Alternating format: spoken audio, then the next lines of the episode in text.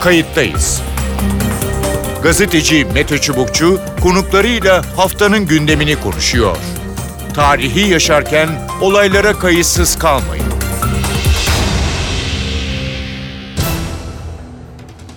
İyi günler bir kayıttayız programıyla daha karşınızdayız. Tarihe ışık tutmak ve olan biteni anlamak için önümüzdeki dakikalarda sizlerle birlikte olacağız.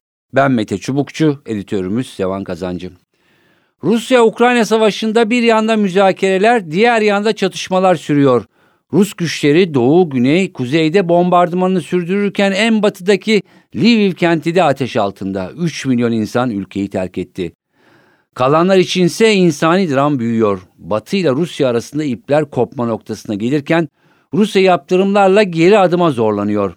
Moskova'nın talepleri konusunda İngiliz Financial Times gazetesinde 15 maddelik bir plan yayınlandı.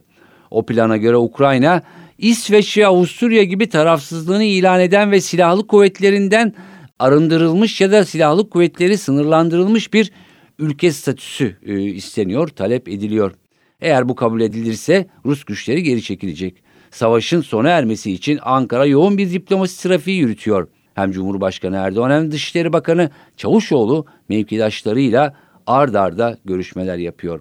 Kayıttayız da bu hafta Ukrayna Savaşı'nda Türkiye'nin çabalarını çok konuşulan tarafsızlık statüsünü savaşın dünyada ve Avrupa'da özellikle güvenlik paradigmasını nasıl değiştireceğini konuşacağız. Kayıttayız'ın konuğu Profesör Sinem Akgül Açıkmeşe. Sinem Akgül Açıkmeşe Kadir Has Üniversitesi öğretim üyelerinden. Hoş geldiniz programımıza. Hoş bulduk. Ee, şimdi son günlerde özellikle Rusya-Ukrayna savaşı ya da Rusya e, saldırısı e, sonrası e, görüşmeler devam ediyor. Görüşmelerin bir kısmının belli maddeleri sızmış gibi belli ki onlar üzerinde bir pazarlık yapılıyor. En çok dikkat çeken özellikle Rus, Rusya'nın Ukrayna'yı silahsızlandırma ya da tarafsız bir ülke olma konumunda görmek e, istemesi özellikle İsveç ve Avusturya e, modelinden bahsediliyor. Önce size bunu sormak isterim. E, nasıl modellerdir bu? Ya ordu yok mudur ya da sadece e, sınırlarımı korumakla mükelleftir? E, yani dışarıdan yardım almaz mı? E, bun, buradan başlayabilir miyiz? Tabii. E, şimdi barış görüşmelerinin temelinde e, Ukrayna'nın tarafsız statüsü e, müzakeresi var. E, ama bu görüşmeler yani şu anda e, bu 15 maddelik barış önerisinin henüz netleşmediğini, Kremlin'in e, bazı itirazlarının olduğunu da duyuyoruz ama e, yani elimizdeki e, verilerden bir tanesi evet. Rusya'nın Ukrayna'nın tarafsızlığını e, ısrarla talep etmesi e, barış görüşmelerine temel olacak şekilde pek çok e, diğer talebinin yanı sıra. E, burada gündeme gelenlerden birisi, yani bu modeller çok konuşuluyor, tarafsızlık modelleri. E, bunlardan bir tanesi Finlandiya, evet. daha doğrusu hani tarafsız ülkelerden başlayalım. Avrupa'daki tarafsız Lütfen. ülkeler Avusturya, İsviçre, İsveç, Finlandiya, İrlanda. E, bu ülkeler e, NATO üyesi değiller. E, İsviçre haricinde Avrupa Birliği'ne üye devletlerden bahsediyoruz. Hı. Şimdi tarafsızlık statülerinde e, genel olarak baktığımızda Finlandiya'nın e, o, o meşhur bir de Finlandiyalılaştırma e, stratejisi vardır e, Rusya tarafından.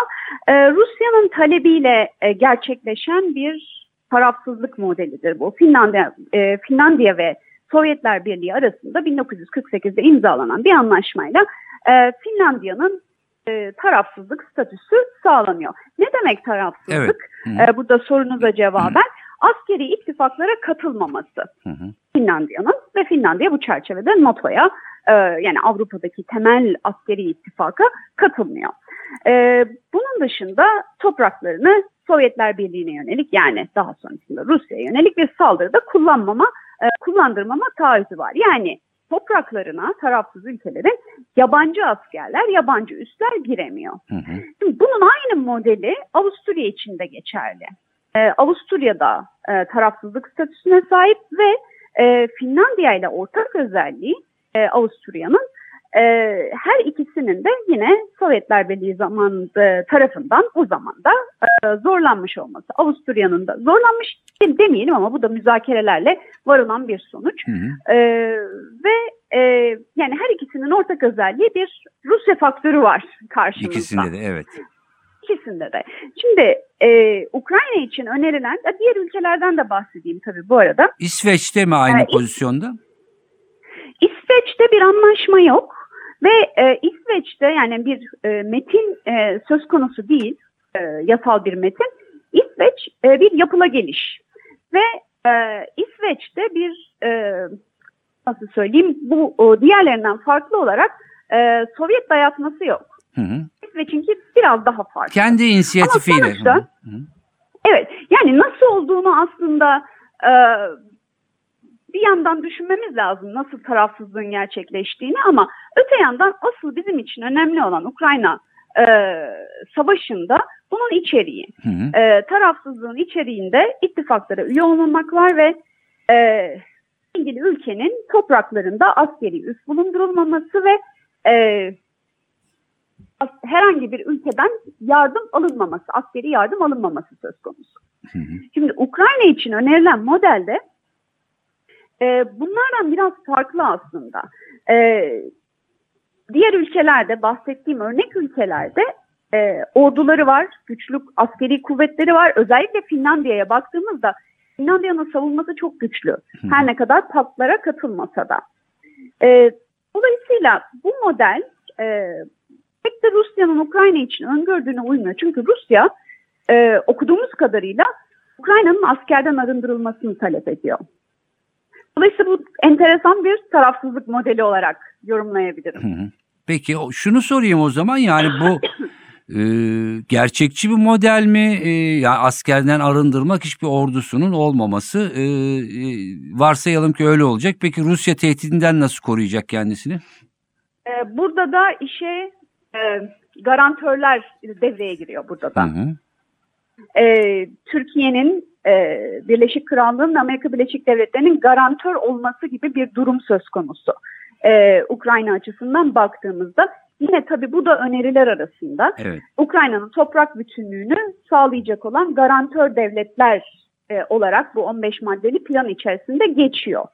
E, fakat bu da ne kadar gerçekçi olur yine e, tartışmalı konular arasında. Zira Ukrayna için böyle bir model 1994'te e, Budapeşte memorandumuyla önerilmişti. E, Ukrayna e, hatırlatmak gerekirse Hı hı. e, nükleer silahlarından vazgeçmişti garantörlük karşılığında. Amerika Birleşik Devletleri'nin, Birleşik Krallığı'nın ve Rusya'nın garantörlüğünde e, nükleer silahlarından vazgeçmişti. Hı hı. Yani bir garantörlü tarafsızlık mekanizması gibi dö- e, de düşünülebilir. Zaten önerilen de e, biraz böyle anlaşma temelli garantörlü bir e, tarafsızlık Ukrayna için. Hı hı. Evet. Yani askerden arındırılmış olacak, e, toprak bütünlüğü askerden arındırılmış veya sınırlandırılmış Hı hı. kavramı e, daha doğru kullanırsak e, ve e, herhangi bir ittifaka katılmayacak. E, buna karşılık garantörler Ukrayna'nın toprak bütünlüğünü ve herhangi bir güvenlik ihtiyacını karşılayabilir Karşılıyor. durumda olacaklar. Onun herhalde daha e, sıkı e, maddelerle bağlanması gerekiyor. Çünkü e, söylediğiniz üzere 94'teki garantörlerden birisi şu anda Ukrayna topraklarında. E. Rus, Rusya'dan e, bahsediyorum. E, şu- Zaten başarısız olmasının temelinde de bu var. Yani Evet. bu garantörlü tarafsızlığın daha önceki örneği başarısızlıkla sonuçlanmış. Tabii kendi iç dinamikleri çerçevesinde düşündüğümüzde. Ee, yine başa döneceğim ama buradan devamla sorayım. Yani şimdi bu garantörlük dediğimiz e, mesele bilmiyoruz tabii ki detaylarını. Ee, yani üç ülke varsayalım. Türkiye, Birleşik Krallık, Amerika Birleşik Devletleri. Ee, evet bir garantörlük sağlıyor ama bu orada asker bulundurmak mı yoksa gereğinde müdahale etmek midir? Ee, yani biz bunu tabii Kıbrıs'tan e, hatırlarız. Ee, nasıl bir model olabilir? Yani burada yine tabii elimizdeki sınırlı e, bilgiyle hareket ediyoruz. E, buna göre gerekli hallerde müdahale. Yoksa orada üst bulundurma veya e, işte askerin e, askeri tüm ihtiyaçları karşılama şeklinde değil, gerekli hal, hallerde müdahale şeklinde Hı e, gerçekleşmesi benim e, okuduklarımdan ve e, yorumlardan çıkardığım sonuç Evet. e, olarak söyleyebilirim. Tabii yani biraz Ama da burada esas olan e, çok hani üstüne basa basa vurgulanan NATO üyeliğinin engellenmesi. Evet. Ukrayna'da zaten bu konuda geri adım atmış gibi gözüküyor. Evet belli ki oradan geri adım atılacak. E, Şimdi bir- biraz daha başa dönmek istiyorum. Biraz daha netleştirmek e, için. Evet yani NATO üyesi olmayacak. Yabancı bir e, ittifak ya da ülkenin askeri ya da üssü NATO kastediliyor. Onlar olmayacak ya da bir İngiliz Amerikan üssü diyelim. E, ama e, anladığım kadarıyla mesela Finlandiya örneğinde e, Finlandiya diğer ülkelerden silah alabiliyor, teknoloji alabiliyor, ordusunu güçlendirebiliyor değil mi o formülde? Elbette evet.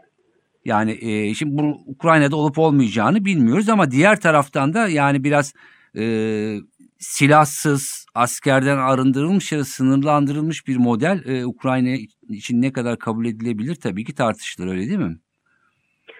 Tabii yani Ukrayna'nın bu modeli e, kabul etme, yani kendi e, savunmasını e, koruduğu sürece, kendi askerini koruduğu sürece e, belki taviz vermesi mümkün olabilir ama silahtan arındırılma gerçekten apayrı bir statü. E, Ukrayna'nın yani şu aşamadaki belirsizliklerle tabii projeksiyon yapmamız çok Hı hı. zor ama Ukrayna'nın bunu kabullenmesinin de ben çok zor olduğunu düşünüyorum. Yani Ukrayna'nın en çok taviz verebileceği yer olan NATO üyeliğinden vazgeçme e, ve kendi e, savunmasını tıpkı Finlandiya örneğinde olduğu gibi kendi e, savunmasını, kendi askeri gücünü e, koruyabilme e, maksimumuna razı olabileceğini düşünüyorum ama savaşın şartları ne getirir, Evet. e, ilerleyen günler ne gösterir e, bunu bilmemiz çok çok zor. Peki. Ee, Sinem Hanım şunu sormak istiyorum. Şimdi e, belki erken ama bu tartışılmaya e, başlandı. E, yani biraz işte Almanya'nın e, yanılmıyorsam 100 milyar euroluk bir paketiyle ki Almanya yani bu savunma konusunda hassas ve de tabii ki e, sosyal demokrat, yeşil liberal bir e, koalisyon hükümetinin bu kararı alması. Şunu sormak istiyorum. E, yeni bir e, güvenlik e, ne derler e, paradigması diyeyim ya da yeni bir güvenlik çerçevesi oluşuyor mu oluşacak mı ne görüyorsunuz? Avrupa'da oluşmaya başladı. Avrupa'yı soruyorum evet. hı. Evet, Avrupa'da oluşmaya başladı bile. Öncelikle e, tek tek Avrupa ülkelerine baktığımızda e, yani Ukrayna'ya enteresan bir şekilde askeri yardımlar yapıldığını gördük. Ama burada e, en ilginç, e, yani en şaşırtıcı politika değişikliği, e, doktrin değişikliği Almanya'dan geldi. Hı. Almanya savunma harcamalarını artırma kararı aldı. Ee, ve NATO'nun hedefleri doğrultusunda gayri safi yurt içi hasılasının yüzde ikisi oranına uyacağını açıkladı. Ee, bu çok enteresandı. Ee, bunun dışında e, yine e, Almanya'yı hemen başka devletlerde takip etmeye başladı. Savunma bütçelerini artıracaklarını açıkladılar. Ee, başka bir yine hani tek tek münferit olarak Avrupa ülkeleri üzerinden gittiğimde Danimarka mesela Avrupa Birliği'nin bu güvenlik ve savunma mekanizmaları her ne kadar güçlü kuvvetli olmasa da bu mekanizmalarından muafiyet e, stratejisi izlerken bunu gözden geçireceğini açıkladı. Henüz değiştirmedi ama Hı hı. yani bu devletler, Avrupa devletleri e, savunma bütçelerini artırarak e, bir doktrin değişikliğine zaten gidiyorlar. Hı hı. E, NATO bazında baktığımızda NATO e, her ne kadar Ukrayna'ya doğrudan askeri yardım yapmasa da e, kendi kapasitesini güçlendirme kararı aldı.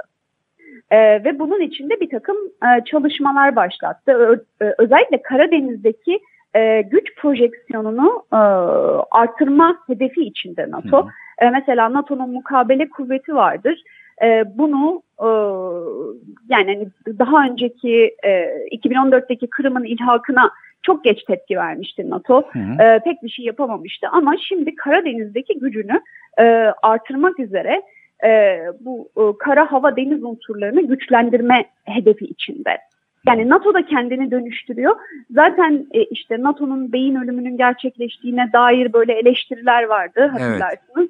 O eleştirileri de bertaraf edecek şekilde NATO varlık nedenini güçlendiriyor. Hı hı. Avrupa mimarisinde, güvenlik mimarisindeki değişkenlerden birisi de bu. Hı. Ee, bir üçüncüsü de yani e, Avrupa Birliği. Evet. Ee, Avrupa Birliği yani böyle yıllardır askeri unsurlarını, e, savunma mekanizmasını geliştirmek üzere kararlar alır ama hiç bunlar sahada uygulanır hale gelmez.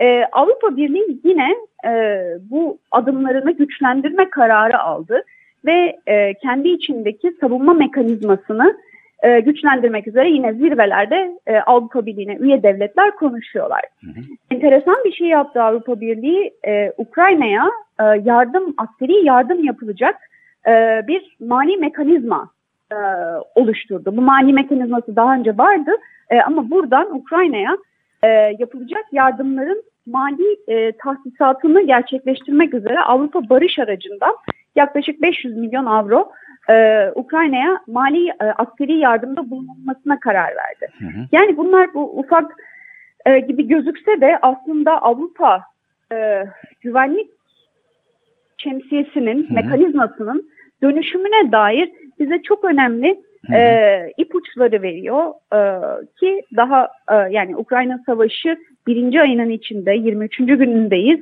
ve bu dönüşümler birdenbire başlamış vaziyette. Hep önceleri vardı e, ama bunlar hep konuşuluyordu ama uygulamaya çok geçebilir şeyler değildi. Değil. Özellikle münferit tarafta Avrupa ülkelerinin o savunma harcamalarını artırma kararları e, Avrupa güvenlik mimarisinde önemli bir dönüşümün e, göstergesi. Evet. E, hatta e, yani başta söz etmiştik bu Finlandiya bile e, Finlandiya'nın bile pozisyonunu yeniden değerlendireceği e, tartışmaları e, da söz konusu. Onu da e, göreceğiz. Peki evet. e, şunu söyleyebilir miyiz? Yani e, Rusya başta e, muhtemelen o Avrupa Birliği içindeki belki NATO'nun içindeki de böyle bir takım çatlaklardan yararlanmaya çalışırken Ukrayna işgaliyle, Ukrayna saldırısıyla e, bilemiyorum bilinçli ya da bilinçsiz aslında karşısında e, bir şekilde o bloğu daha da sağlamlaştırmaya başladığı gibi e, görüşler var. Ne dersiniz? Kesinlikle katılıyorum bu görüşlere. Ee, Rusya e, Avrupa'yı e, savunma alanında e, yakınlaştırdı Avrupa ülkelerine. E, yani biraz daha e, farklı bir güvenlik mekanizması varken Avrupa'da e, ve farklı görüşler varken bu güvenlik e, süreçlerinin işletilmesine dair NATO kapsamında, Avrupa Birliği kapsamında hep böyle ayrıkçı görüşler olsa da bunları birleştirir hale geldi. Hı hı. Ee, Ukrayna'ya askeri destek anlamında değil, ee, özellikle bu kısımda ben Avrupa devletlerinin çok temkinli davrandıklarını düşünüyorum. Ee, Ukrayna'ya askeri yardımların e, sadece münferiten Avrupa e, Avrupa ülkeleri tarafından yapıldığını ve bunların da çok da yeterli olmadığını görüyoruz.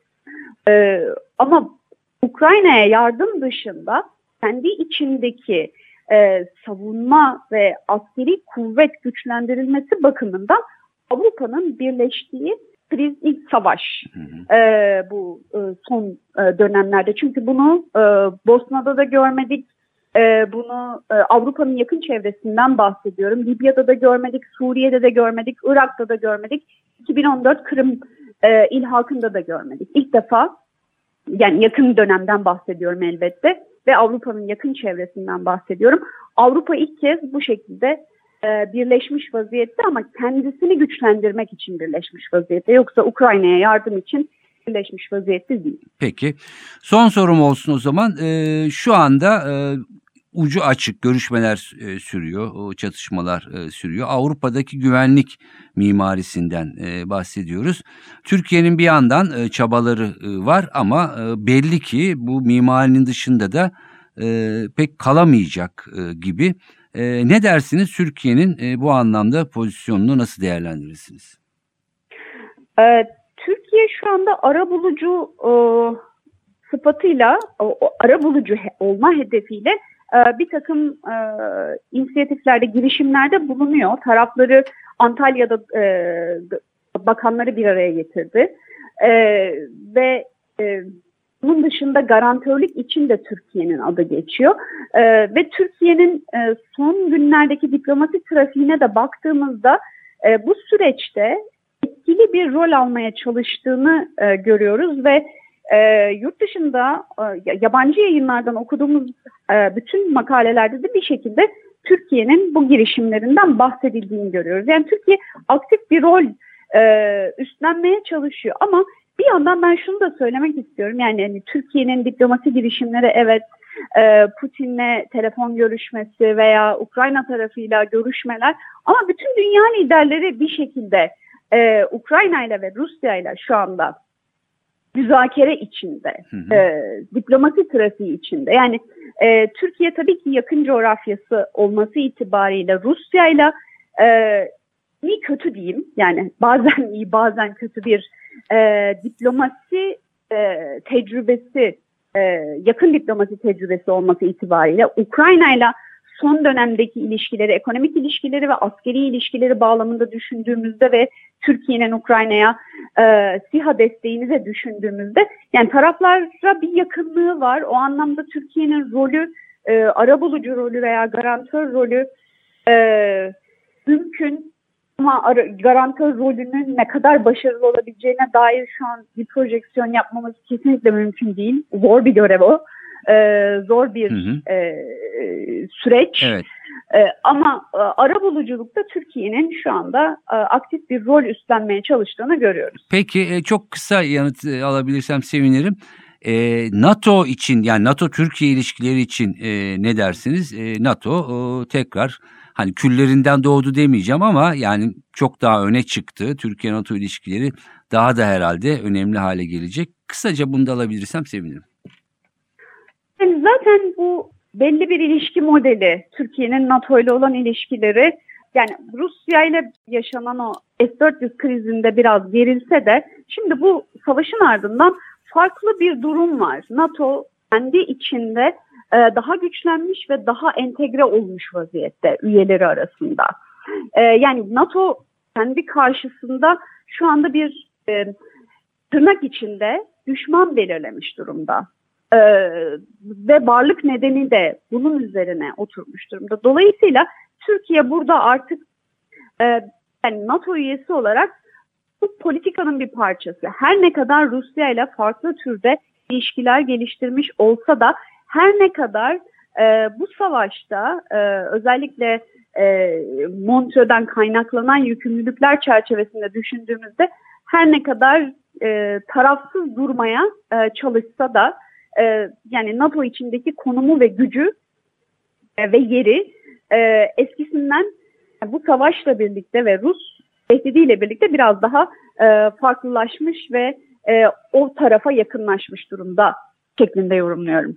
Peki. Ama şimdilik tüm bu yorumlamalar. Tabii yani önümüzde e, daha şey yapacağımız e, ama muhtemelen bu konuştuğumuz konular daha da belki e, netleşecek e, ve daha kesin yargılarda bulunabileceğiz. Çok teşekkür ediyorum programımıza katıldığınız ve ederim. görüşleriniz için. Profesör İyi Sinem Akgül. Açıkmeşe e, kayıttayızın konuğuydu. Evet konuğumuzun e, ve bu konuda e, uzman akademisyenin e, görüşleri e, böyle. Evet daha e, barış için belki yolun başındayız. Belki kısa süre sonra belki bir, bir buçuk ay sonra e, daha da netleşecek. Ama maalesef bu görüşmeler uzadıkça içerideki yıkım, e, Rusların e, işgalinin derinleşmesi, sivillere yönelik e, saldırıları daha da artacak gibi e, görünüyor farklı formüller için e, çalışılıyor. Türkiye'de bunun içinde. Bakalım önümüzde e, nasıl bir e, formül e, çıkacak ama tabii ki temennimiz bir an önce bu formüllerin netleşmesi, e, savaşın ve Rusya'nın saldırısının durması. Ben Mete Çubukçu, editörümüz Sevan Kazancı. Kayıttayızdan bu haftalık bu kadar. Önümüzdeki hafta tekrar görüşmek üzere. Hoşçakalın. Kayıttayız. Gazeteci Mete Çubukçu konuklarıyla haftanın gündemini konuşuyor. Tarihi yaşarken olaylara kayıtsız kalmayın.